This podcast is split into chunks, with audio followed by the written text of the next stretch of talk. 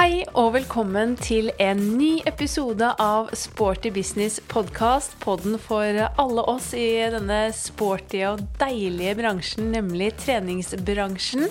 Jeg heter Eva Katrine og gleder meg til å dele en ny episode sammen med deg.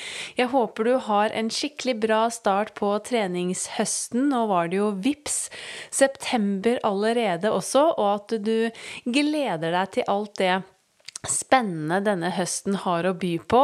Håper at vi sees på noen av de store arenaene, som f.eks. NIH Convention, Tren-seminar, og også vår egen eh, convention in Spartum Boost 14.10 i løpet av høsten. Og at du også ser frem til alle de fine, små øyeblikkene som denne bransjen serverer oss hver eneste dag på sentrene våre. Møtene med kollegaer, møtene med de unike medlemmene, de magiske opplevelsene i salen, mestringsopplevelsene til eh, PT-kundene dine, kanskje. Det er jo alle de små hverdagsøyeblikkene som eh, skaper denne unike bransjen, og hvorfor i hvert fall jeg elsker å jobbe i denne bransjen. Så selv om jeg nå ser frem til alt dette spennende som også skjer i høst, så er det jo disse små øyeblikkene av eh, treningsglede hver eneste dag, som er det som virkelig betyr noe, og som jeg gleder meg stort over. I denne episoden så skal vi rette blikket mot eh, styrketrening og design av eh, styrketimer. Vi har jo touchet litt eh, innom hvordan man skal lykkes som instruktør tidligere i podden, og vi har også vært innom dette med kondisjons- og utholdenhetstrening, men styrke har vi ikke gått i dybden av. Så derfor gleder jeg meg veldig nå til å dele en episode med dere med Christian Rones. Han han er både foreleser i Inspartum Akademi, men også headcoach på CrossFit Sagene i Oslo, og en eh, helt rå programdesigner, vil jeg si, når det kommer til eh, styrketrening i gruppe. Så nå dypdykker vi ned i hvordan man skal designe nettopp styrketimer best mulig. Hva man må tenke på når man legger opp eh, styrketimer i gruppe kontra small group training med PT f.eks. Hvordan man kan eh, tilpasse øvelser best mulig, osv. Så, så her er det masse godt påfyll å ta med seg for alle dere som eh, trener styrke selv og underviser i styrke, så det er bare å glede seg. God lytt. Hjertelig velkommen til Sporty business, Christian. Takk skal du ha. Veldig det. hyggelig å ha deg på besøk i dag. Jeg gleder meg til hele sommeren til å komme innom og prate litt trening. Herlig. Det gleder meg, og vi skal jo dypdykke ned i noe av det som uh, kanskje er ja, en av dine favoritter i dag, nemlig styrketrening. Så det gleder jeg meg veldig til. Men for de som ikke kjenner deg like godt som eh, jeg gjør. Du er jo også en del av eh, Inspartum Akademi og foreleser for oss, og jeg kjenner jo deg godt. Men kan du ikke gi en sånn kort, liten eh, hei til lytterne våre og intro om hvem du er? Eh, jo, eh, kort. Eh, jeg skal prøve å få den så kort som mulig. mitt navn er da Christian Rones, eller Sivert Christian Knem Rones. Hvis det skal være Som regel de får vite det når de vipser, så ser man at det er Sivert også. Jeg er da pappa til to. Uh, Lise og Noah, og har en kone. Bor ute på Billingstad. Uh, jobbet i treningsbransjen siden 2007. Uh, startet ut som i type barnepass og treningsveilederresepsjonen, som veldig mange andre. Mm. Og startet som personlig trener i 2008. Og ja. jobbet i SATS da fram til 2018, slutten av 2018. Uh, som personlig trener. Hadde et år på hovedkontoret som PT-ansvarlig i Norge. Uh, og jobbet med da performance-produktet, eller litt sånn crossfit-produktet til uh, Sats den gangen. Så åpnet i januar 2019 CrossFit Sagene sammen med Tommy Lande og Pernille Kallesæter. og vært der siden. Mm. Så vi har jo faktisk vært i For det var jo Elixia først, før det ble Sats Elixia og så Sats. Så vi har jo faktisk vært i Elixia på samme tidspunkt. Ja. ja. Det er eh, Når var det du 2012 eh, til 2015-16. Da har vi flere år sammen ja. i samme selskap, ja. Ikke sant. Men uh, hvordan havnet du i treningsbransjen da? Var det en ren tilfeldighet, eller var du på en måte Peilet du deg inn til, på treningsbransjen? Var det det du visste at du ville? Nei, det er en ren tilfeldighet. Jeg var, eh, jeg var, glad i sport og idrett da jeg var yngre, men begynte å slite litt med beina. Så jeg alt av liksom sånn ballidrett og sånn. Slatters fikk jeg, så ballidrett og sånn måtte jeg slutte med. Så jeg hadde vel noen år hvor jeg ikke drev med noe aktivitet sånn sett. Jeg begynte litt styrketrening med gutta når vi starta på videregående på den lokale brannstasjonen på Kjelsås. Um, men jeg tenkte ikke noe mer at det var noe levevei. Eh, så jeg har alltid vært eh, relativt flink og forstått tall, så jeg tenkte at eh, jeg måtte ta en økonomiutdannelse når jeg var ferdig med militæret.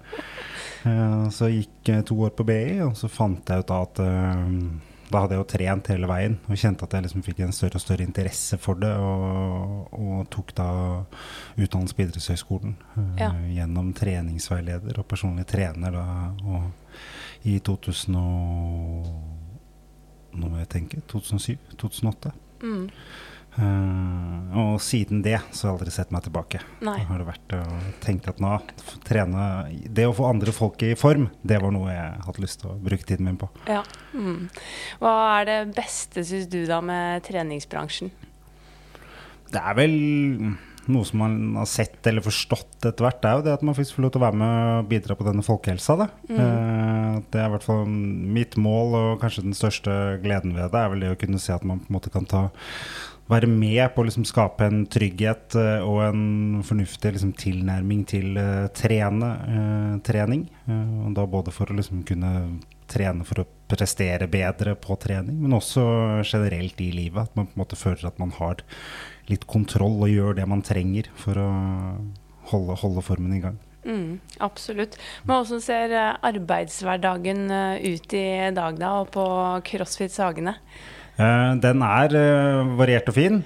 Uh, jeg jobber som headcoach, så jeg som programmerer all treningen som vi gjør der. og det er jo en, en, god del jobb å få ned nye økter, varierte økter, i et, i et strukturert program som da skal ta hensyn til treningsprinsipper og det ene og det andre. Ja, det så tror jeg på. bruker en del tid på det. Um, og så har jeg jo da mye timer.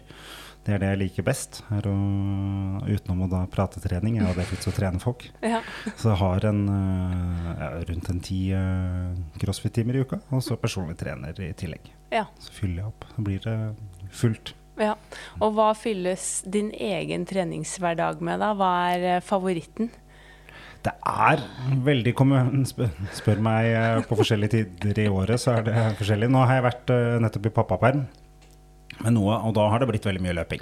Ja. Uh, og jeg er, er, veldig glad i løping, for det er så tilgjengelig. Så mm. siden jeg fikk barn, så er det liksom ingen andre ting som jeg kan liksom gå ut døra av. Komme tilbake 30 minutter senere og være happy med det jeg har gjort. Ja. Så det er sommerhalvåret, så er det som regel løping som er favoritten. Og så blir man litt lei det, så høsten så pleier jeg å ha lyst til å litt mer fokus på styrke igjen og de olympiske løftene og sånn. Og så blir jeg litt lei det, og så starter veldig ofte med litt sånn crossfit. Uh, mer uh, crossfit spesifikt uh, rundt juletider. Ja. Så det, det, og nå har du begynt å sykle òg. Ja, nå. Så jeg litt ut av byen. Eh, så nå har jeg begynt å sykle, pendle. Ja. Så det er eh, noe, et nytt prosjekt som jeg gleder meg til. Ja, Transporttrening er jo genialt også, da. Så får man ja. inn litt eh, ekstra i løpet av dagen. Virkelig. Det er, eh, passer veldig bra i en hektisk hverdag. Men, har løpt ut et par ganger, og det blir det er litt, eh, litt seigt å sette av to timer til å løpe ut der. Og, så, så, da er det greit. Sykkel er perfekt. Ja, Men du, har du liksom en ordentlig plan for din egen trening, eller flyter den litt sånn som du sier, i forhold til hva du eventuelt blir lei, eh, har lyst til å gjøre? Eh, jeg har, en, jeg har liksom sånn de viktigste rammene på plass. Ja. Så jeg har liksom noen nøkkeløkter i løpet av en uke som jeg vet at jeg har lyst til å få til. Uh, og så sper jeg på med det andre. Jeg er ikke veldig Det kan godt Jeg er ikke veldig nøye med at liksom alt må gjennomføres uh, akkurat sånn som det skal være, så lenge jeg får unna de, liksom, de tre-fire elementene ved treningsøktene som jeg liksom føler at jeg trenger da, for å ta meg videre der hvor, der hvor jeg er nå. Ja, så nå så er det Drammen halvmaraton i starten av september som ja. er målet. Og da er det liksom sånn, da vet jeg, har jeg to nøkkeløkter med løpingen som liksom er litt prioritert. Og mm. da også en styrkeøkt for å sørge for at jeg ikke mister, uh, mister for mye styrke i perioder hvor man løper litt. Ja, Utenom det så er det da liksom ganske fritt fram. Ja, det tror jeg er lurt også å ha litt sånn lystbetont forhold til det, og la på en måte motivasjonen få lov til å styre litt uh, underveis. Absolutt, altså. Men du, som du nevnte, så jobber du jo da som headcoach på CrossFit eh, Sagene og pro mm. programmerer til den store gullmedaljen. Mm. det er jo mye som skal programmeres. Jeg er imponert over den eh, jobben du gjør der. Og så mm. har du jo også kurs for oss i Spartum Akademi som eh, innen styrketrening. Og det er jo det vi skal dypdykke litt ned i dag, og forhåpentligvis gi lytterne gode tips og råd for hvordan lykkes med dette her når vi skal møte folk flest med gode styrketimer. Men kan du ikke begynne med å fortelle litt, eller definere forskjellen på de ulike måtene å trene styrke på? Mm. Um, det er jo sånn sett altså Styrketrening er jo et veldig bredt begrep. Uh, så det blir fort litt vanskelig å kunne liksom bruke man bare ordet liksom, 'nå skal vi trene styrke', så kan det bety ganske mye forskjellig. Uh, så er det noen kanskje noen uttrykk som henger litt igjen fra liksom, hva, hva, man er vant til å høre fra tidligere, men så kanskje nå man ser på liksom, innenfor litt andre kategorier av treningen. Så sånn styrketrening ville jeg kanskje liksom, ha definert sånn i hovedsak liksom, mellom da liksom, maksstyrke, det å liksom, trene styrke for å kunne løfte tyngre vekter. Uh, og så har du den styrketreningen som går mer på liksom det å kunne bygge mer muskler. Så målet er ikke nødvendigvis å løfte noe tyngre vekter, men at, at muskulaturen uh, vokser. Uh, mm. Og selvfølgelig er det flere, altså sånn eksplosiv trening som handler om å kunne flytte uh, enten kroppen eller en ytre belastning raskere. Så det å kunne liksom rekruttere muskelfibrene raskere uh, er jo en form for uh, trening, eller styrketrening. Og så har det jo også blitt mye snakket om utholdende styrke. Mm. Det er jo kanskje der vi uh, syns det er litt vanskelig å kunne definere noen retningslinjer for hvordan skal man trene utholdende styrke, og at det kanskje er nesten litt lettere å kunne plassere liksom, utholdende styrke. Uh, at det er nesten litt under utholdenhetstrening. Mm. At det er bedre prinsipper å følge, da, hvis det er det som er målet. Mm, absolutt. Ja, sånn eh, hva skal jeg si, utholdende styrketrening, det er jo blitt kalt kall det et sånn begrep og mye brukt, i hvert fall sånn i gruppetrening, for å prøve å beskrive eh, den treningen vi gjør hvor det blir mange repetisjoner ofte, og vi jobber med litt mer eh, nærmest eh, kondisjonstrening enn hva vi gjør når vi løfter tyngre, ja. uten at det egentlig er et veldig sånn godt beskrivende ord, eller kall mm. det mm. riktig definisjon ut ifra treningslæren. Nei. Og det er vel kanskje det som liksom hvordan det treffer kanskje ikke så godt på liksom, Den greier ikke helt å falle innenfor rammene for eh, styrketrening sånn sett. Nei, men uh, i forhold til gruppetrening, da. Uh, klarer vi å trene styrke ut fra disse prinsippene i treningslæren? Eh, godt programmerte timer gjør det i veldig veldig stor grad. Eh, og så skal det jo altså Man skal jo hele tiden tenke på at styrketrening du, Selv om man kanskje ikke opp, utfører optimal styrketrening, så vil jo alt være med på å liksom bidra i den riktige retningen. Men hvis man liksom ønsker å skulle liksom, uh, få liksom maksimalt ut av treningen, så blir det viktigere at man liksom greier å komme seg tettere på prinsippene for å sørge for at vi, for at vi stimulerer muskulaturen nok til å kunne tilpasse seg den, måte, den, den tilpasningen som vi ønsker. Mm. Om det da er å løfte tyngre, eller om det er å, å, å bygge litt mer muskler. Ja. Uh, så der tror jeg det er både ja og nei. At liksom sånn et all styrketrening som blir gjort, og styrketeamet som blir satt opp, vil jo være et positivt bidrag i, i den riktige retningen. Men uh, om det er optimalt, det tror jeg ikke nødvendigvis er like lett å treffe for på alle timer. Nei, den største utfordringen i klassisk eller tradisjonell gruppetrening er jo nettopp det at vi ikke har nok eh, utstyr, vi har ikke tunge nok vekter, og vi har heller ikke rack f.eks.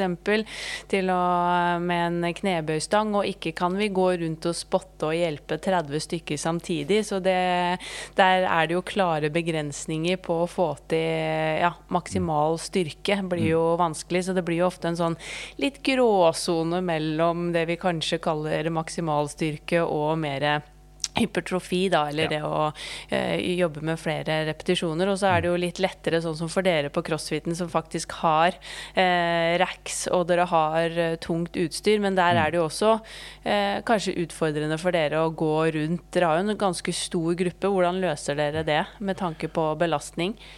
Så Vi prøver jo på en måte det at vi hele tiden skal jobbe med altså, det som vi kaller for liksom en teknikk teknisk failure. At man ikke nødvendigvis liksom jobber til man faktisk ikke greier noe, men at man jobber til man kjenner at teknikken begynner å på en måte tilpasse seg litt eller eh, justeres litt fordi man skal, eh, skal liksom bare løse det på den eh, best mulige måten for kroppen. Ja. Um, så der er det det å lære seg på en måte å kunne kjenne sin egen kropp. At mm. man, vi, vi snakker litt om eller på styrke biten eh, så snakker vi om at vi kan ha noen repetisjoner i reserve. Eh, at vi sier at ok, nå skal vi kjøre seks repetisjoner. Når du er ferdig med den sjette repetisjonen, så vil jeg at du skulle, hvis jeg hadde kommet og sagt nå skal du ta én eller to til, så skulle du vært kapabel til det. Mm. Eh, så selv om man på en måte trener tung styrketrening, så betyr det ikke at man trenger å trene liksom, til man ikke greier mer. Nei. For det er plenty med forskning som viser at liksom, treningseffekten, majoriteten av treningseffekten, den er der. Selv om man på en måte holder seg litt unna de eh, failure-repsene. Ja. Uh, og ikke minst da så får man gjort mer, mer trening, fordi måte det oppleves bedre. Det, det, det, du brenner ikke så mye, mye av kruttet på hvert sett. Nei, og både, ja, Det psykologiske og i forhold til motivasjonen og opplevelsen også er jo veldig viktig for folk. Og spesielt de vi møter i treningsbransjen, er jo den typiske vanlige mannen og dama i gaten som for dem er det mer enn nok, og de kommer til å ha stort utbytte av den treningen man gjør i f.eks. da gruppe når det gjelder styrketrening uh, uansett. Men vi mm. må jo gjøre da noen justeringer for å få det til å funke. og uh, Anbefalingene ligger jo i hvert fall rundt sånn ja, seks, eller fra seks-åtte 8 repetisjoner til 15 eh, eller til 12 da, i gruppetrening, som jeg ofte prøver å justere det ned til for at vi ikke skal bevege oss for langt over i denne kall det i gåsetegn utholdende styrketreningen. Men det mm. er jo gode retningslinjer å forholde seg til når det kommer til gruppetrening. Og så er det jo også utfordringen dette med å Ja, vi har ikke racks, så hvordan skal du løfte opp en uh, tung uh, stang opp på skuldrene? Mm. Det, det, er jo en, det, er jo et olympisk løft og krever mm. ganske mye teknikk, så der også stopper det jo. Men har du noen gode råd til hvilke justeringer eller hvilke variasjoner man kan gjøre i gruppetrening? Trening for å klare å trene tungt nok, men med det begrensede utstyret man har, eller de andre begrensningene som er til stede. Mm. Uh, ja, det er jo som du sier der, at De tyngste løftene blir jo vanskelig fordi man faktisk må få vekten på plass. Um, så den, den, maksimale styrken er nok ikke så lett å få gjort i en gruppetreningssal uh, uten at man har tilgang da, på litt mer utstyr. Mm. Uh, en, en, god måte er jo da å kunne bruke, eh, altså gå for unilaterale øvelser, så du jobber med én og én side av gangen. Hvor du har mulighet til å kunne måte, bruke begge armene for å få det opp. Eller, eh, Og så kan man da jobbe med enten én arm av gangen på skulderpress, eh, pressvarianter liggende på gulvet eller på benk. Sammen med benøvelser også, og da at man jobber med ett og ett ben av gangen. Mm. Da er det lett lettere å kunne på en måte få oppnå denne, altså sånn den utmattelsen nærmere 6-12 repetisjoner. Da, og at man ikke må jobbe så høyt. Mm. For man ser jo kan se positiv effekt på hypertrofi eller muskelvekst helt opp i 30-40 repetisjoner. Men da skal vi også, det blir også veldig slitsomt og ubehagelig å gjennomføre. Så det er begrenset hvor mange sånne arbeidssett man faktisk uh, orker og ja. greier å tyne seg gjennom. Så der tenker jeg at uh, det å kunne jobbe en god del med ettbensøvelser og ett enarmsøvelser er en veldig god måte for de tyngste variantene.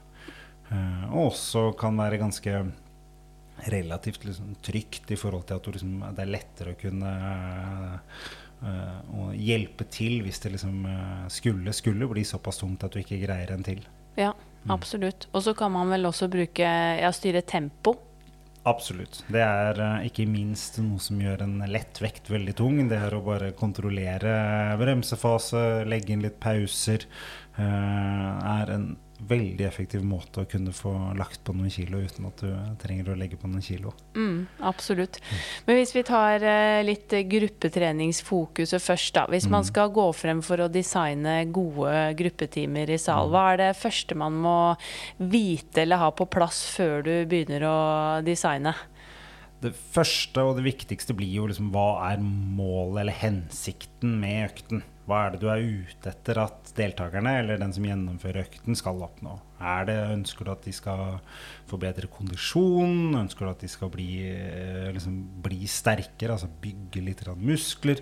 Vil du at du skal gi dem en eh, litt bedre altså sånn generell form, en kombinasjon og styrke og kondisjon?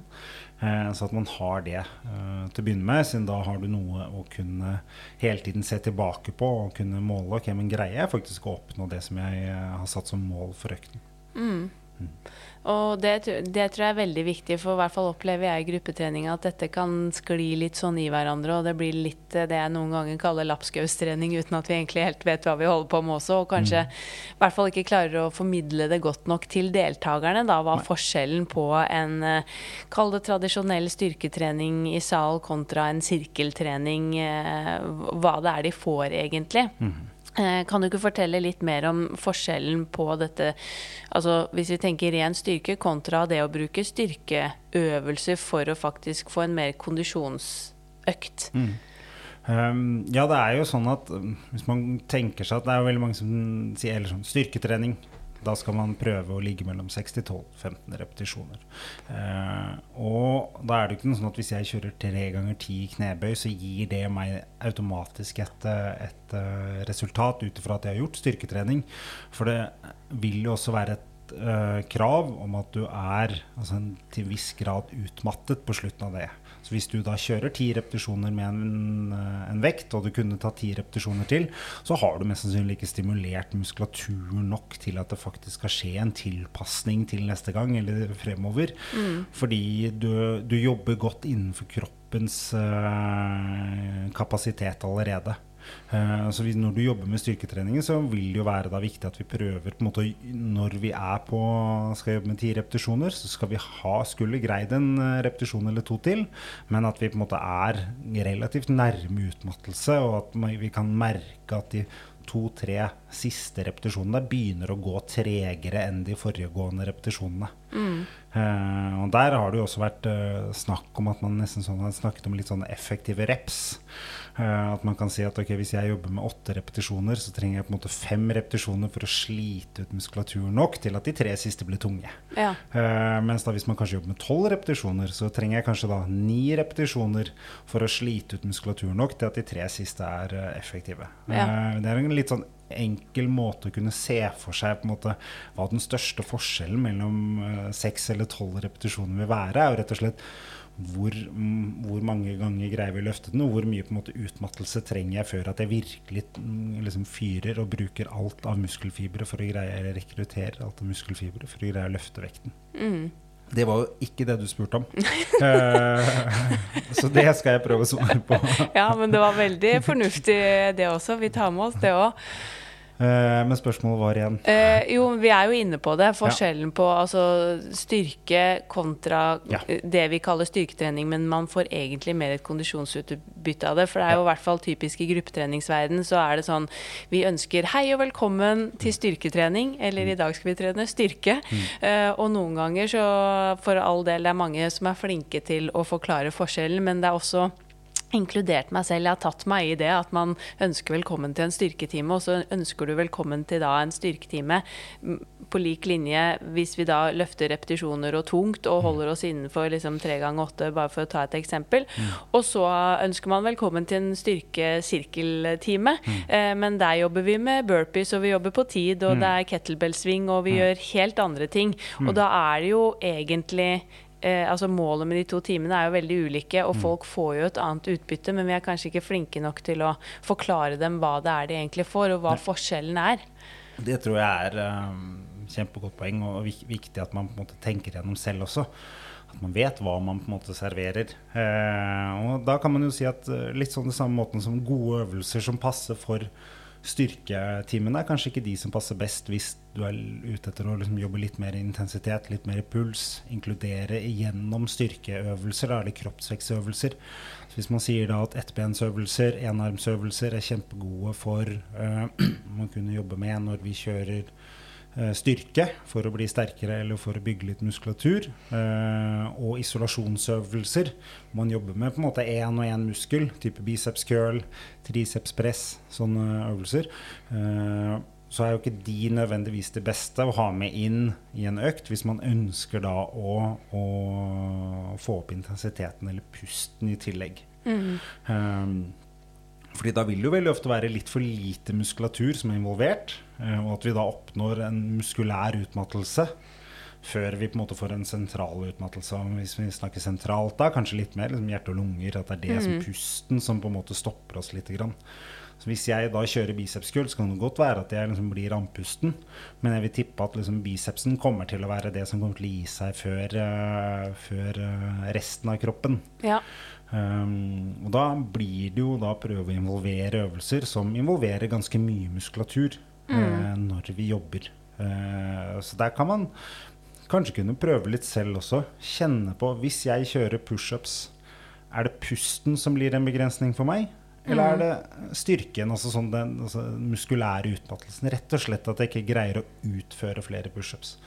Uh, og hvis jeg da ender opp med at det er på en måte styrken, så er det kanskje ikke en god øvelse å skulle legge inn i en kondisjonssirkel. fordi da kommer det ikke til å være pusten som på en måte blir det begrensende. Og det er jo mm. her vi veldig fort havner litt da i den gråsonen eller den lapskaustreningen, hvor det blir én øvelse som jobber kanskje da muskulært. Hvor det blir litt uh, muskulær uh, utmattelse. Neste øvelse så vil det være pusten. Uh, at det på en måte hopper litt fra øvelse til øvelse. Men at man mm. kanskje heller prøver å velge ut øvelser som på en måte jobber mot det samme målet. Ja. At hvis jeg er ute etter å jobbe med styrke, så at jeg kanskje da velger at neste øvelse, hvis jeg har kjørt Uh, armene eller overkroppen. At jeg kanskje får en benøvelse, så på en måte overkroppen får litt i gåstein hvile mens, uh, mens, bena jobber. Mm. Mens det vil jo ikke være målet hvis jeg ønsker å utfordre kondisjonen. Da blir det jo det om å gjøre å liksom inkludere relativt mye muskulatur uansett. Fordi det er en effektiv måte å få pulsen på. Ja. Mm, ja, det er et uh, veldig godt råd, for jeg tror uh, mange av oss, uh, i hvert fall i gruppetreningsverdenen, kan bli flinkere til å skille mellom hva er det vi egentlig kaller det trener, altså hva er målet her, og at man er flink til å formidle det til deltakerne. Og man kan jo lage en sirkeltrening basert på repetisjoner og sett og jobbe tungt, og det kan være da styrke som er i fokus, eller man kan kjøre en sirkeltrening da ofte kanskje på tid, og som du sier, med øvelser som stimulerer da mer den sentrale utmattelsen og liksom lungekapasitet, hjerte-lunge. Eh, og få mer da kondisjonsutbytte, selv om man bruker eh, styrkeøvelser. Og det er jo ofte det vi også gjør i alt av type hit-trening, cross-training, tabata. Altså, det fins jo utallige navn på alle disse timene, men det mm. blir jo ofte der mer et kondisjonspreg og utbytte enn styrke. Men har man selvfølgelig aldri trent noe styrke, så vil man jo også bli eh, sterkere av å gå på de timene.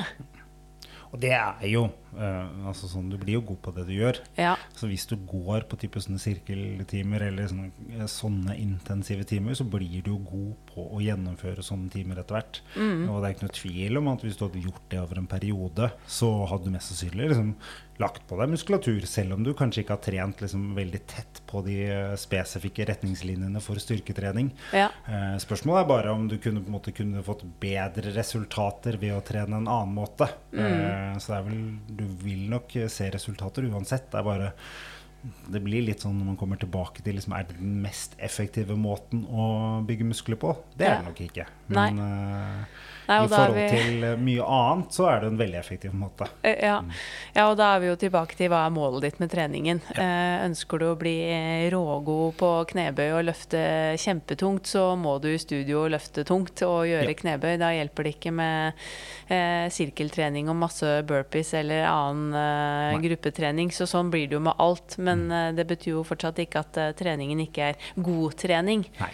Men da kan man også sånn slå et slag for at selv de som trener, altså målet er å bli så sterke eller bygge så mye muskulatur som mulig, så er det også Eh, viktig å ta vare på, på hjerte og lunger. Eh, vil kunne ha en positiv eh, effekt i forhold til liksom, restitusjon. Eh, at du greier å få kontroll på pusten eller få ned pusten, pulsen mellom arbeidssett. Så du greier på en måte å utnytte, få mer ut av styrketreningen også. Mm. Så uansett om du på en måte er i den ene eller andre leiren, vi kan jo snakke om at liksom, løpere trenger styrketrening for å holde seg eh, skadefri, så må, trenger også liksom, styrkeløfter eller eh, de som jobber for å bygge mye muskulatur. Eh, kondisjon for å holde seg, eh, for å holde seg både liksom, sunn er jo én ting, ja, ja. men også at du får mer ut av, eh, av den styrketreningen som du gjør. Ja, ja og absolutt for uh, helsa, helsa mm. sin skyld. Absolutt. Men uh, det første vi må da være helt klare på, er som sagt målsetting med timen. Altså hva er målet for denne timen når man skal begynne å designe. Mm. Hvordan ville du gått frem videre da, hvis du vet at nå skal du lage en sirkeltime f.eks. Mm. med da et mer kondisjonspreg? Altså hva er de neste stegene? Eh, da blir det jo litt sånn altså, målgruppen Nei, altså, hva, hvem er det jeg skal trene? Mm. Er det på en måte unge mennesker, er det eldre mennesker, er det trente folk, er det utrente? Ikke det at det trenger å bety altfor mye, men det kan i hvert fall være viktig å ha i bakhodet. Mm. Eh, og så er det selvfølgelig utstyr. Hva har jeg tilgjengelig av utstyr og plass?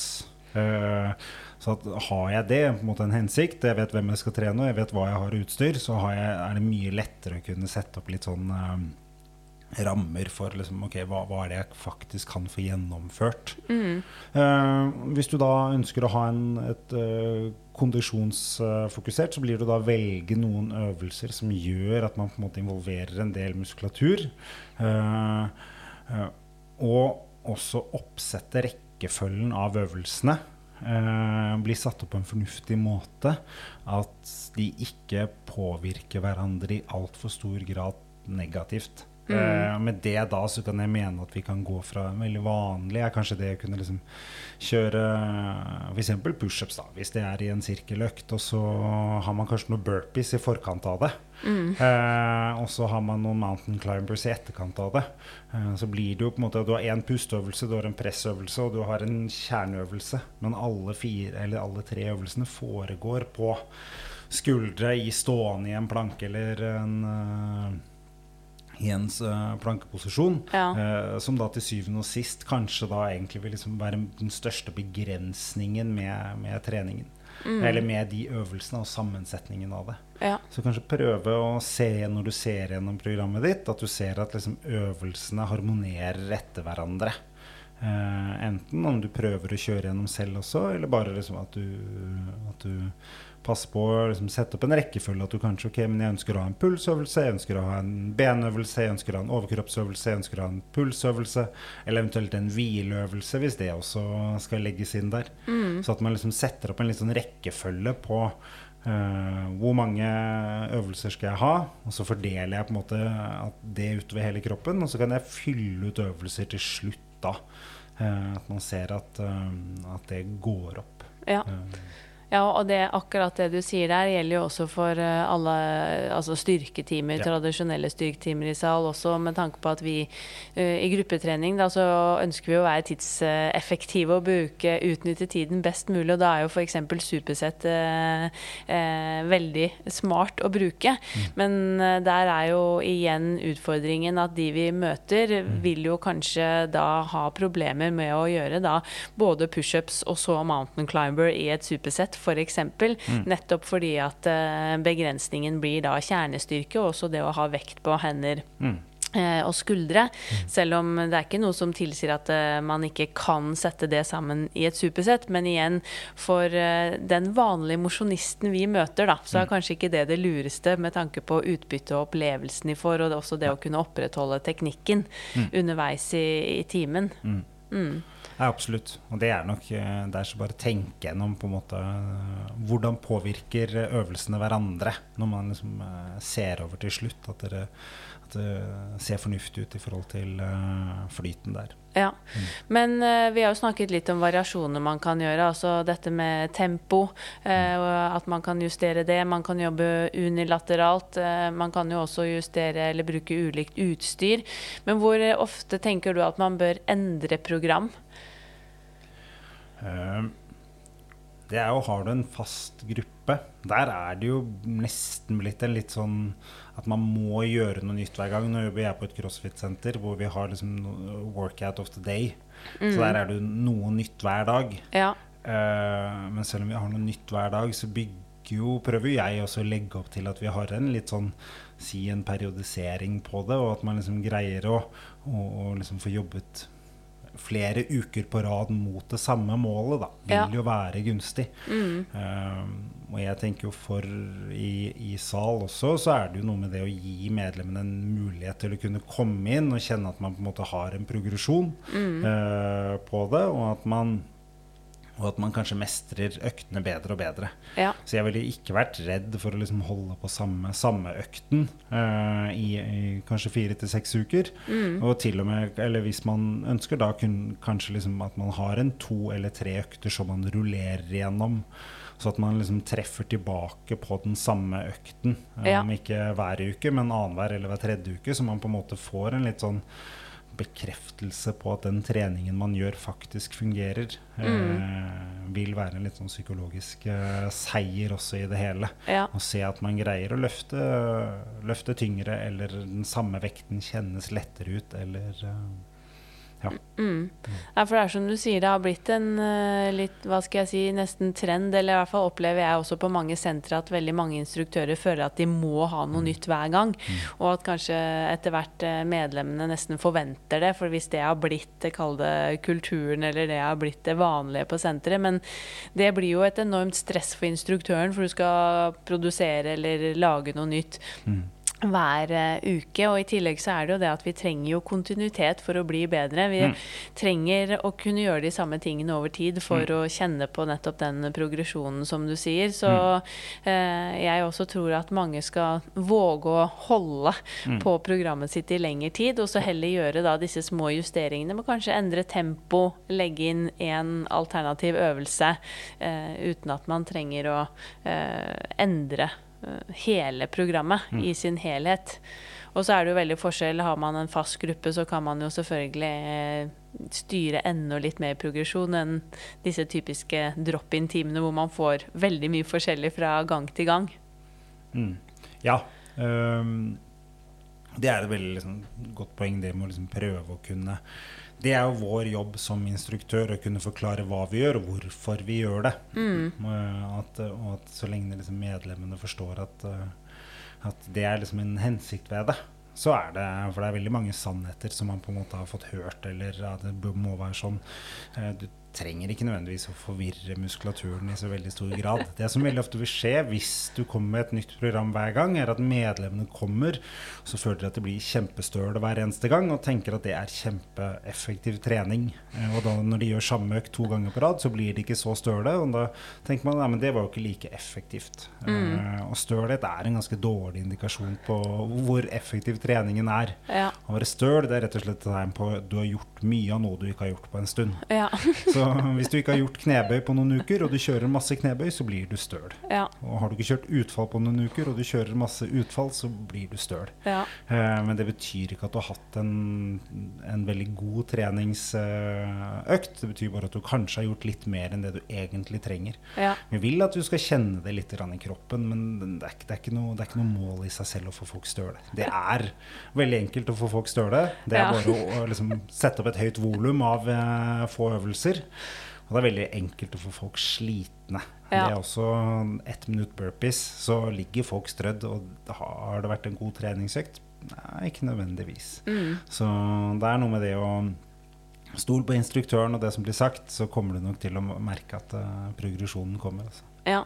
Ja, det er igjen et godt poeng, det å klare å formidle den treningslæren til deltakerne, sånn at de faktisk skjønner at dette er gjennomtenkt. De får en forklaring på hvorfor gjør vi som vi gjør. Ja. Da er det også lettere for dem å få tillit til deg som instruktør og stole på det du serverer dem. Og som du nevnte i stad, denne psykologiske seieren av at man mestrer og kjenner at man får det til, er jo helt avgjørende for motivasjonen. Ja. Og det er jo kanskje også for mer spesielt interesserte eventuelt å synes at det å være støl er tipp topp. For de fleste syns jo ikke det er veldig behagelig.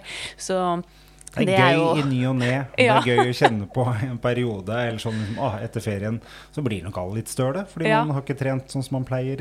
Og det er liksom ok og morsomt en, noen ganger. Og så er det fint at uh, kroppen er relativt normal resten av uka. Ja. Og når du blir sånn skikkelig skikkelig grisestøl, det er jo ikke behagelig i det hele tatt.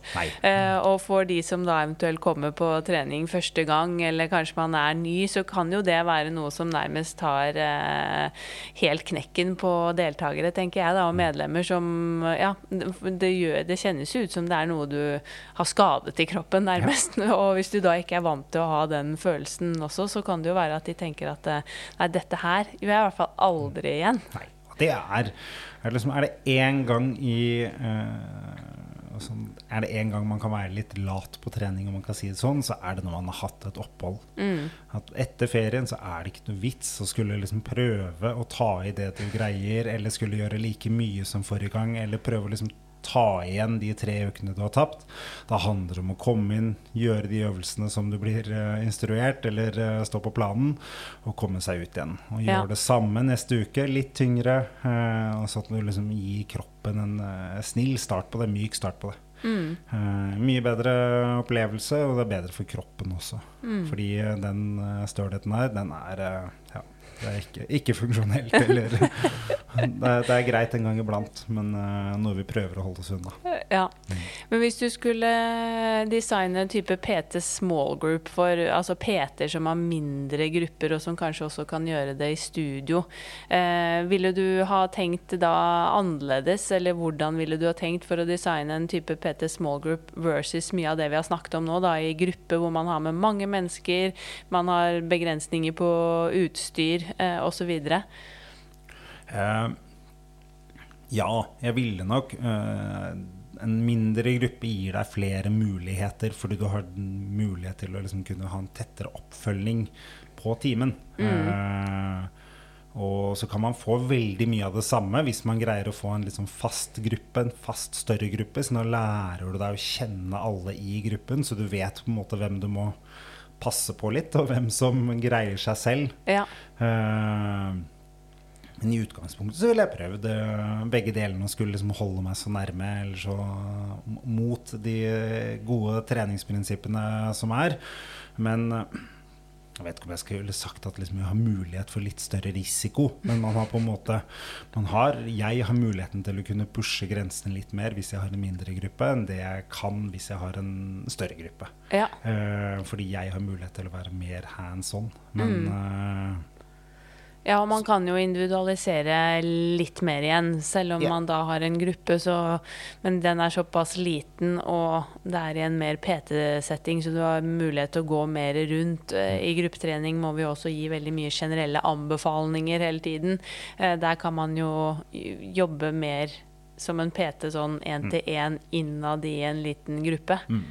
Men der kan du også, hvis du er da, gå på en, en, eh, en time er litt sånn lojal til eh, treneren eller instruktøren eller coachen, mm. så kommer jo coachen til å bli kjent med deg etter hvert. Ja. Eh, og, og, du kjent med han eh, eller hun. Så da vet du på en måte Da er det ikke så mye ut ifra liksom dagens økt, på hvert fall hos oss, så kjenner jeg medlemmene våre relativt godt. Mm. Og jeg vet på en måte hvem jeg må pushe litt, hvem som må passe på litt på de forskjellige øvelsene til den ene og den andre. Ja. Og da er det ganske enkelt for meg å kunne komme med liksom, eh, to setninger eh, til hver enkelt person som liksom gjør at ok, men da får de en litt sånn feedback på de, hva, hva, de skal fokusere på den økten her, da. Ja. Eh, så det kan vel kanskje være litt sånn det å kunne gå regelmessig på timen til en instruktør, mm. gjør at liksom, opplevelsen og, og Litt sånn en, Det er lettere for litt mer sånn personlig uh, tilpasning. Ja. Uh, ja, og det er jo fint å oppfordre folk til i gruppetrening. Mm. At, at, Kom tilbake og igjen forklare hvorfor. Ja. Uh, og har man PT Small Group, så har man jo litt mer som du sier, rom for å kunne utfordre litt mer. Man kan legge opp til enda mer periodisering. Den gruppa blir jo da eh, ofte kjent, så man kan jo også kanskje legge opp til litt mer sånn samarbeid. At man hjelper hverandre å spotte i en knebøy Mm. eller de tingene der som vi ikke kan holde på med i, i gruppetrening. Og liksom bare plassere folk sammen. Ja, for det er jo forskjell på om liksom, jeg vet at jeg kommer til å møte en person ti ganger, eller om jeg vet at ok, de her har jeg i dag, jeg må gjøre et godt inntrykk for at de kommer igjen en gang til. Ja. Eh, så vil det jo være litt sånn forskjellig i forhold til hvordan man hadde instruert, eller hvor tålmodig man er, kanskje med liksom, det å kunne gi forskjellige cues og tilpasninger. Så det Ja. er et veldig mm, Det å kunne ja, trene regelmessig, og gjerne med samme person, eller er eh, gunstig. Ja. Og der også er det å altså, høre og legge merke til hva som blir sagt, hvilke kurs du får. Så når du trener på egen hånd også, så er jo dette noe som gjelder der òg. Altså den knebøyen vi utfører i en gruppetrimesetting, er jo den samme som vi utfører med en stang eh, i, eh, i styrkestudio eller i treningsstudio. Ja. Det er jo bare den ytre belastningen som kanskje har forandret seg. Kanskje den har flytta seg fra en kettlebell foran til en stang på nakken. ja. Knebøyen er jo den samme. Eh, Så bygger vi et godt bevegelsesmønster eh, på gruppetrimene, så er jo det noe som vi vil ta med oss inn i eh, studio også. Mm. Ja, og der vil jeg også bare skyte inn dette med for alle instruktører å huske å lære bort god løfteteknikk òg. Opp og ned med det utstyret. Selv om vi ofte ikke løfter så tungt i salen, så er det jo også nettopp det at folk tar jo med seg den teknikken de lærer i sal, ut i studio hvis de begynner med egentrening og har lyst til å løfte tyngre etter hvert. Og at man da legger grunnlaget for eh, god teknikk helt fra starten. For det er veldig ofte sånn at vi bare kaster fra oss utstyret, og så drar vi det opp igjen, og så er vi veldig opptatt av hvordan teknikken skal være i en stående roing eller en markløft f.eks. Ja, absolutt. Men er det noen andre ting, sånn som i sal, da, eller om du har en PT small group, er det noen ting du tenker man bør være litt sånn ekstra påpasselig på i forhold til eventuelle skader, eh, for å liksom virkelig sørge for sikker trening? Jeg har jo lyst til å ha så lite risiko i treningen som mulig. Eh, og det er jo akkurat det som du sier der, at liksom sånn, det er mange som greier kanskje å kjøre en utfall eller en knebøy med en relativt tung vekt når de har den på skuldrene. Men det er ikke alle rygger som er laget for å liksom vippe den opp eller kaste den opp med litt sånn uh, utenkt teknikk på opp. Så det å liksom få vektene opp og ned på en god måte er absolutt noe som uh, er Det i hvert fall for det reduserer skaderisikoen. Eh, Ja, det er jo ofte nesten der jeg føler det skjer flest uhell. Mm. Ja, og det er jo, da tenker man ikke. Da er det liksom Det er jo øh, overraskende mange liksom, skader og uhell som skjer idet man liksom tar stangen ut Ja. i knebøylet inn, eller liksom på slutten av settet. Eller, så at vi liksom alltid prøver å tenke at liksom treningen skal være, bidra positivt, og at det skal være så lav risiko som mulig. Selvfølgelig, hvis du skal bli jo, liksom, jo mer avansert du er, jo mer liksom, uh, målretta og spissa du er, jo kan, trenger du kanskje å ha litt høyere risiko i treningen din for å kunne, for å kunne liksom, eh, få de, eh, de utbytte, eller det utbyttet som du ønsker. Men det er, det er ikke noe som de aller fleste trenger. Nei. Eh, og da er det det å prøve å liksom være, være smart og langsiktig med treningen. Ja. Um, så er det jo liksom Kjenn på kroppen hva fungerer for deg. Ikke prøv å skulle gjennomføre øvelsen på en teknikk sånn som sidemannen. Eh, knebøy vil kanskje være det enkleste. Det er at det er noen som kan stå kjempesmalt og få det til å se kjempeenkelt ut. Og så står man der selv og må ut ganske bredt og føler at det er langt ned. Så, så er det noe med det å prøve å finne den teknikken som kjennes bra ut eh, der og da. Eh, og så handler det om å liksom kunne gradvis jobbe seg mot et bedre og bedre bevegelsesmønster. ja. Uh, så, så tror jeg ikke at vi skal være så redd for å, å gjøre så mye feil, egentlig. Eh, så lenge det introduseres på en forsvarlig måte, og liksom volumet er eh, relativt uh, fornuftig. Ja. Nei, det føler jeg henger litt igjen fra kall det gåstein gamle dager i bransjen. At det var veldig mye sånn uh, do's and don'ts. At eh, en knebøy skal se sånn ut, og knærne skal den veien, og vi skal gjøre et utfor, utfall sånn, og det er feil. Det har man jo heldigvis nå lært veldig mye mer om, og vi kan mer om kroppen og trening og hvordan den beveger seg. Så det er jo også noe fint for eh, alle trenere å ta med seg inn, enten man er PT eller man er gruppeinstruktør. Dette med at egentlig så er det jo ikke noe som er rett eller galt, eh, men at man oppfordrer folk til å prøve å finne en god løsning på øvelsen selv, ut fra hvordan vi har skrudd sammen, hvilket utgangspunkt man har. Men for oss i sal, da, eh, så må vi jo selvfølgelig komme med en del sånne igjen generelle anbefalinger, fordi man har med 30 mennesker å gjøre samtidig, kanskje. Mm. Men igjen da si litt som du sier, da, at man kan kjenne på den knebøyen selv. Prøve å finne en god løsning. Mm. Eh, enn at vi er veldig sånn svart-hvitt på hvordan ting skal gjennomføres. Ja. Mm. Det er veldig lett å liksom bare instruere at folk skal inn i en hoftebrett, og de skal inn i sånn og sånn, og, og det kan være fungere liksom for 50-60% og så er det veldig mange hvor det bare ikke fungerer for. Mm. Ja, da kunne liksom det. åpne opp litt, eh, og så kan man heller hvis du ser på en måte at noe er som instruktør ser at liksom, okay, der trenger vi en ordentlig justering, mm. så, så, får man uh, gå bort og justere den enkelte. Ja. Istedenfor å begynne man å hive ut veldig mye generelle råd. Uh, så blir det noe som, da blir det veldig mye å tenke på for veldig mange, ja. som kanskje ikke trenger å tenke på det. Uh, det å presse knærne ut kan være et kjempegodt cue for noen som, hvor de faller veldig mye inn, selv om det ikke trenger å være noe problem. Ja. Men for kanskje de aller fleste så er ikke det noe som de trenger egentlig å tenke så mye på. Det er bedre at de heller kan bare tenke på å puste eller å, ja, å ta i, eller å, Så det å prøve å være litt selektiv med hvilke cues man bruker, det tror jeg kan være veldig, veldig lurt. Ja. Og, ja, ikke på en måte skulle bruke ord som at det er farlig eller uh, noe sånt. Det er også Absolutt. Og kroppen er jo skapt for bevegelse, så vi kan jo bevege oss i alle retninger. Ja. Uh, så det at uh, ryggen svaier litt, eller at den krummer litt, eller at knærne faller litt inn og ut, er jo heller egentlig ikke farlig. Nei. Og jeg husker jeg var på et kurs for mange år siden hvor vi snakket om nettopp dette med utfallssteg, hvor det har vært så liksom strengt at å, kneet skal samme vei som tærne. Men hvis man da ser på hvordan man beveger seg i hverdagen, eller på en fotballkamp, eller om man leker med barna i haven, så beveger jo ikke disse knærne seg rett over tærne i alle situasjoner. Så vi har jo faktisk behov også for å styrke opp stabiliseringsmuskulaturen rundt da f.eks. kneet, sånn at vi kan tåle en, eh, en finte og en takling på fotball fotballbanen eller om man løper med barna i hagen. Så det er jo mm. ikke dumt å også tenke litt mer eh, Kall det funksjonelt, da. Eh, på den måten også så vil de aller fleste belaste kroppen på en måte som de på en måte er vant til det. Så hvis mm. de på en måte knærne kommer litt innover det, så er mest sannsynlig knærne vant til det fra man går, fra man setter seg ned på do, reiser seg opp igjen, setter seg ned på en stol.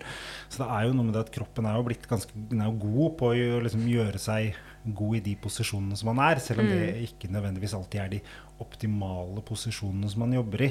Ja. Eh, så det kan ofte være det at hvis du prøver å liksom korrigere for mye på en gang, at det blir eh, kan gjøre nesten kjennes vondere ut. Eh, enten der eller dagen på enn det det gjør hvis du på en måte lar kroppen få lov til å være i den, eh, det vante bevegelsesmønsteret. Mm.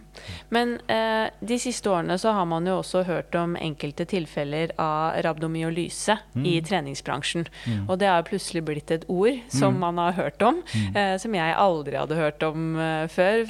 For da Ja, tiden flyr jo da, så det er mm. sikkert noen år siden nå, men plutselig så kom jo det litt sånn eh, opp i vinden. Kan du ikke bare kort fortelle hva det er, og har du vært borti det, eller er det som noe man trenger å være bekymret for?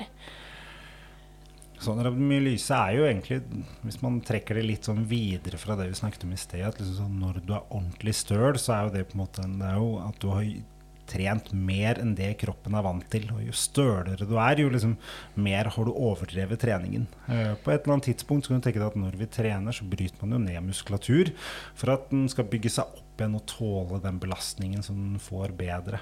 Mm. Eh, men hvis du da bryter ned muskulaturen så mye eh, at det faktisk ikke er mulig å bygge opp igjen, eh, så vil jo rett og slett da muskulaturen eller cellene dø ut. og da, Det er jo da rebdomyolyse vil jo rett og slett være da celledød, altså ja. i muskulaturen som skjer.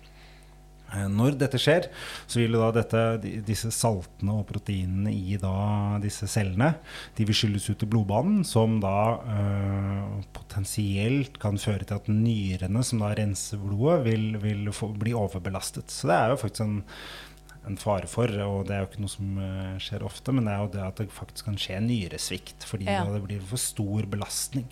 Så hvis man da hadde kommet inn på et uh, sykehus uh, og hadde fått en test, så ville man da testet måte, blodet, sett, sett, en viss verdi i det.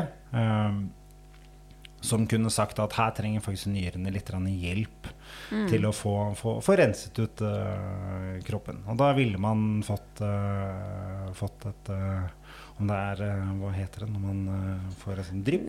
ja. Mm. For å, for, å, kunne rett og slett bare få, få hjelp til å få renset ut disse avfallsstoffene. Ja, ja. Uh, og så kommer jo spørsmålet liksom, er, det, er det, hva skal til for å gjøre det. Og det vil jo være da u, altså, hvis du gjør mye av noe som du ikke er vant til å gjøre, ja. så vil det potensielt kunne gi deg uh, rabdomyolyse. Men her skal du jo også da Det er ikke så mange øvelser eller muskelgrupper hvor det er så lett å få til sånn egentlig. Eh, fordi kroppen er jo ganske robust i utgangspunktet. Han tåler jo mye, mye juling. Mm. Eh, så, men eh, det vanligste tilfellene er vel kanskje type sånn som i armer. Ja. Uh, spesielt da hvis man kanskje har vært på en time hvor det har vært pullups, og så har man ikke kjørt pullups på lenge. Så er man kanskje ikke sterk nok til å trekke seg opp, så det blir til at man hopper opp, og så liksom bremser man litt ned. Uh, så er det en øvelse eller en måte som det er veldig lett å kunne overbelaste muskulaturen på. Ja. som gjør at da kan man komme eller oppnå eller få Eh, rabdomyolyse. Da. Mm. Men det skal mye til i de aller fleste tilfeller. Ja. Eh, eneste er vel hvis du på en måte har en litt sånn Kanskje du er immunforsvaret er litt redusert fra før av, at det er mye stress, eller er litt sliten, eller litt småsyk samtidig, så er det ikke alltid at det på en måte skal altfor mye til heller. Nei.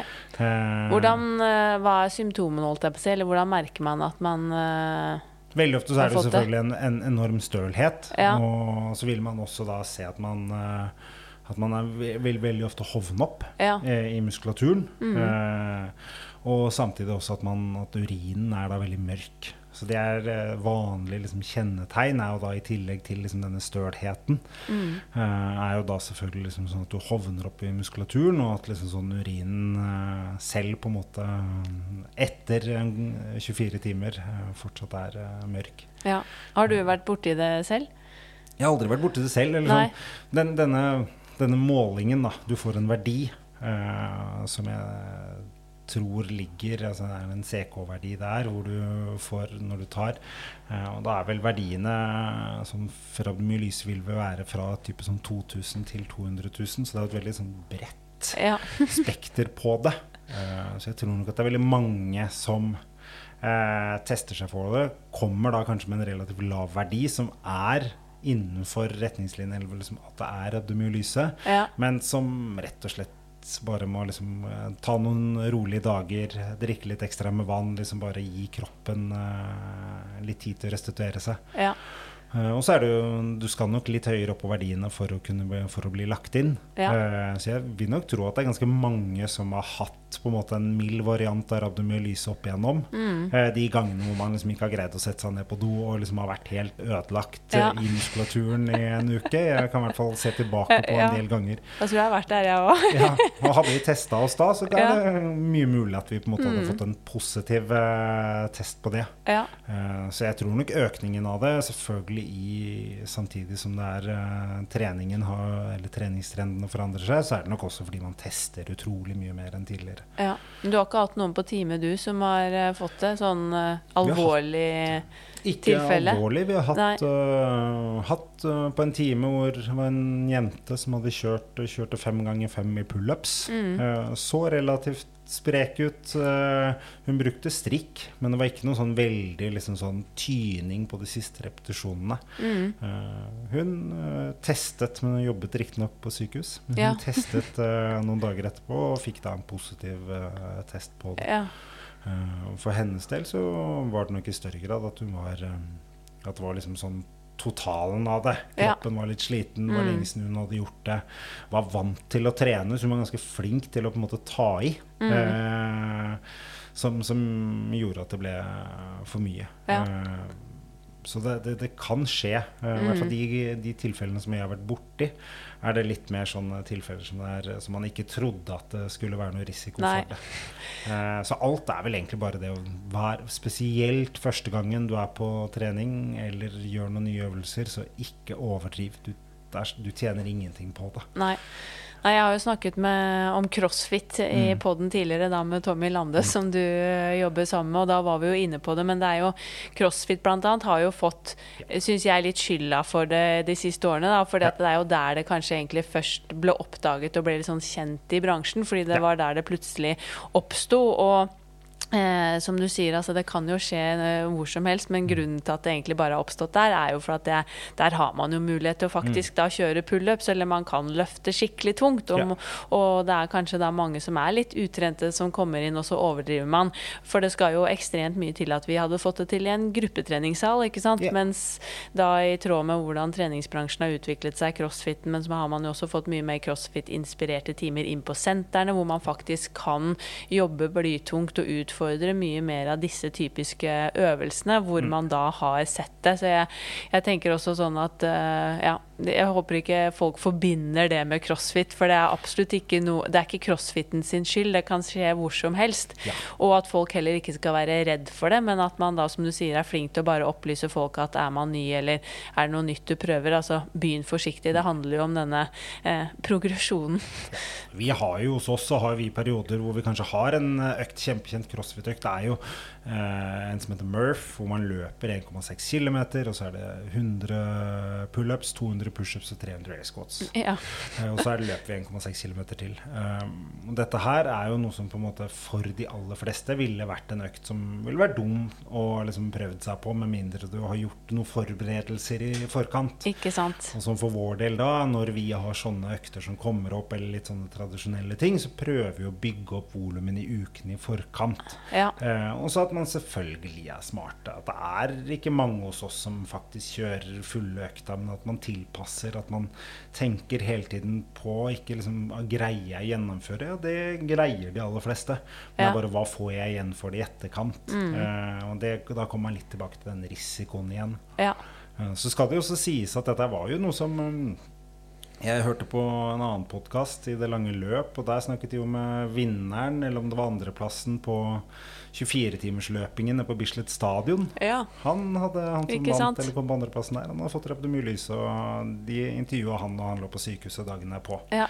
eh, så det er jo på en måte bare Hvis du bruker for kroppen for mye eller for hardt, ja. så, så, kan det skje. Så det er liksom ikke bare ved liksom Nei, det er tunge styrketreningen heller. Mm. Men uh, helt sånn oppsummert, da, mm. til slutt. Uh, hva er dine aller beste råd for uh, å lykkes som instruktør i styrketimer? Mm. Det er um, Prøv å jobbe med å ha et godt øvelsesbilde. Eh, det gjør det veldig enkelt for deltakerne å på en måte kunne kopiere deg. når de bare kan, Da slipper du kanskje å forklare så mye. Eh, så det vil, det vil gjøre deg selv en eh, tjeneste ved å kunne ha et godt øvelsesbilde på de øvelsene som du velger. Og da kan du også velge øvelser som du faktisk er litt god på. Så det kan jo være mens du kanskje liksom jobber med de øvelsene som du ikke er så god på. Det er absolutt én ting. Og så er det jo å se alle medlemmene.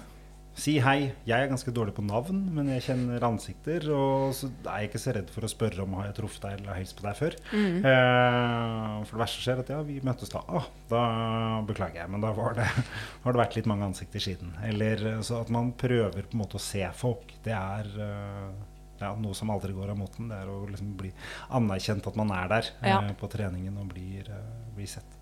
Og prøv å legge merke til si, noen, noen småting som du kanskje kan liksom greie å ta opp igjen neste gang. Det trenger ikke være all verden.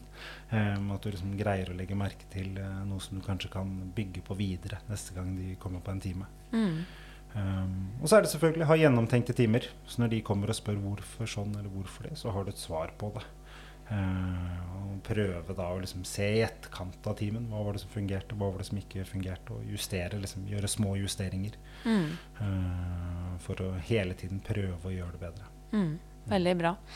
Uh, avslutningsvis, Har du noen ønsker for hvem du selv kunne ønske å høre i poden, da? En du kan sende stafettpinnen videre til? Ja, nei, jeg er glad i, glad i, jeg er glad i mesteparten av trening. Men det har vært spennende med f.eks. Jeg vet ikke hva han heter. Øh, jobber ute på Magnat med cardio coach. Ja. Jeg vet ikke jeg, hva han jeg husker ikke hva han heter, det skal jeg finne ut. Uh, ja. En flink type som er, har fokus på å levere en god forståelse for kondisjonstreningen. Ja. Og gå Mm. veldig mye igjen på dette her med liksom det, hva er det du er ute etter å oppnå med treningen. Mm. Så den spesifikke treningen. For det tror jeg veldig mange tjener veldig mye på. Ja. Hvis man vet hva man vil, da er det mye lettere å kunne liksom sette opp gode timer, gi en god opplevelse på økta. Ta inn noe du må, men også vite at du, liksom, du får et godt resultat av økta ved å ikke ta i så mye. Hvis, er, hvis økta er lagt opp på den måten. Ja. Så det må være, det må være mitt ønske der. Veldig godt tips.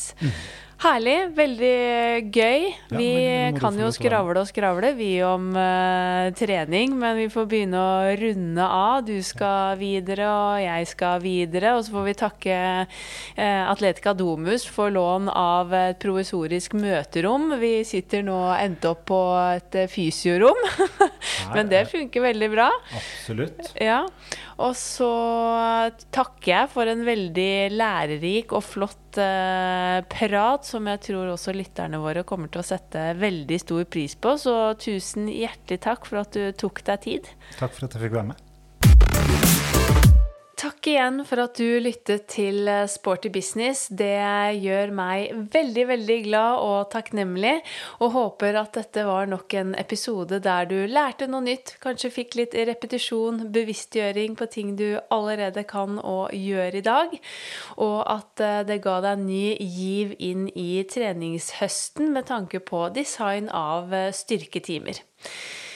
Følg oss veldig gjerne i sosiale medier på Instagram at sportybusinesspodkast, og bli gjerne med i gruppen vår på Facebook, Sporty Business. Og jeg vil også bare oppfordre alle til å bruke den gruppen Sporty Business. Nå er vi mange, mange hundre medlemmer fra treningsbransjen i den Facebook-gruppen, og jeg legger jo ut litt informasjon om vi, når vi slipper en ny episode og sånne type ting, men jeg vil gjerne også at vi kan bli gjerne flinkere til å bruke den eh, gruppa. Spør hverandre hvis dere lurer på noe. Del ting som er relevant for oss i bransjen. Bruk den gruppa til å skape et forum. Det er fullt åpent for. Så det er en liten oppfordring fra meg. Og så håper jeg at vi sees i løpet av høsten, og at du allerede nå gleder deg til en ny episode av Sporty business om to uker. Ha en strålende og sporty uke videre. Denne podkasten produseres av Inspartum Akademi og North Stories.